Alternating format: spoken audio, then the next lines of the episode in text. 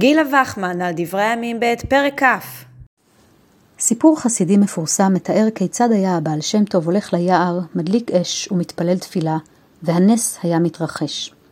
תלמידו, המגיד ממזריץ', כבר לא ידע כיצד להדליק את האש, אבל הכיר את המקום ביער. וזה שאחריו כבר לא הכיר את המקום, אבל ידע את התפילה. ייתכן ששורשיו של סיפור זה נעוצים במדרש הבא, מתוך איכה רבה, פרשה ד' סימן ט"ו.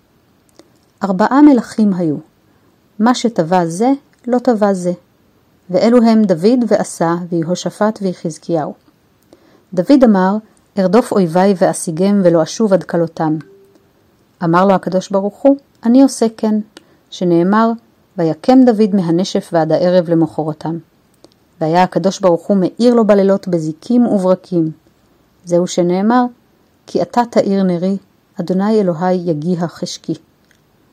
עמד עשה ואמר, אני אין בי כוח להרוג להם, אלא אני רודף אותם ואתה עושה. אמר לו הקדוש ברוך הוא, אני עושה כן, שנאמר וירדפם עשה והעם אשר עמו, כי נשברו לפני אדוני. לפני עשה לא נאמר, אלא לפני אדוני. עמד יהושפט ואמר, אני אין בי כוח לא להרוג ולא לרדוף, אלא אני אומר שירה ואתה עושה. אמר לו הקדוש ברוך הוא, אני עושה כן, שנאמר, ובעת החלו ורינה ותהילה, נתן אדוני מערבים על בני עמון, וינגפו. עמד חזקיהו ואמר, אני אין בי כוח לא להרוג ולא לרדוף ולא לומר שירה, אלא אני ישן במיטתי, ואתה עושה.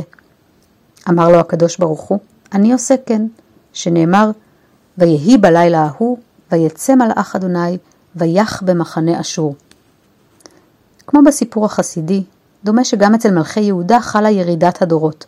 כוחם הולך ופוחת ועדיין הקדוש ברוך הוא נענה להם ומושיע אותם מיד אויביהם.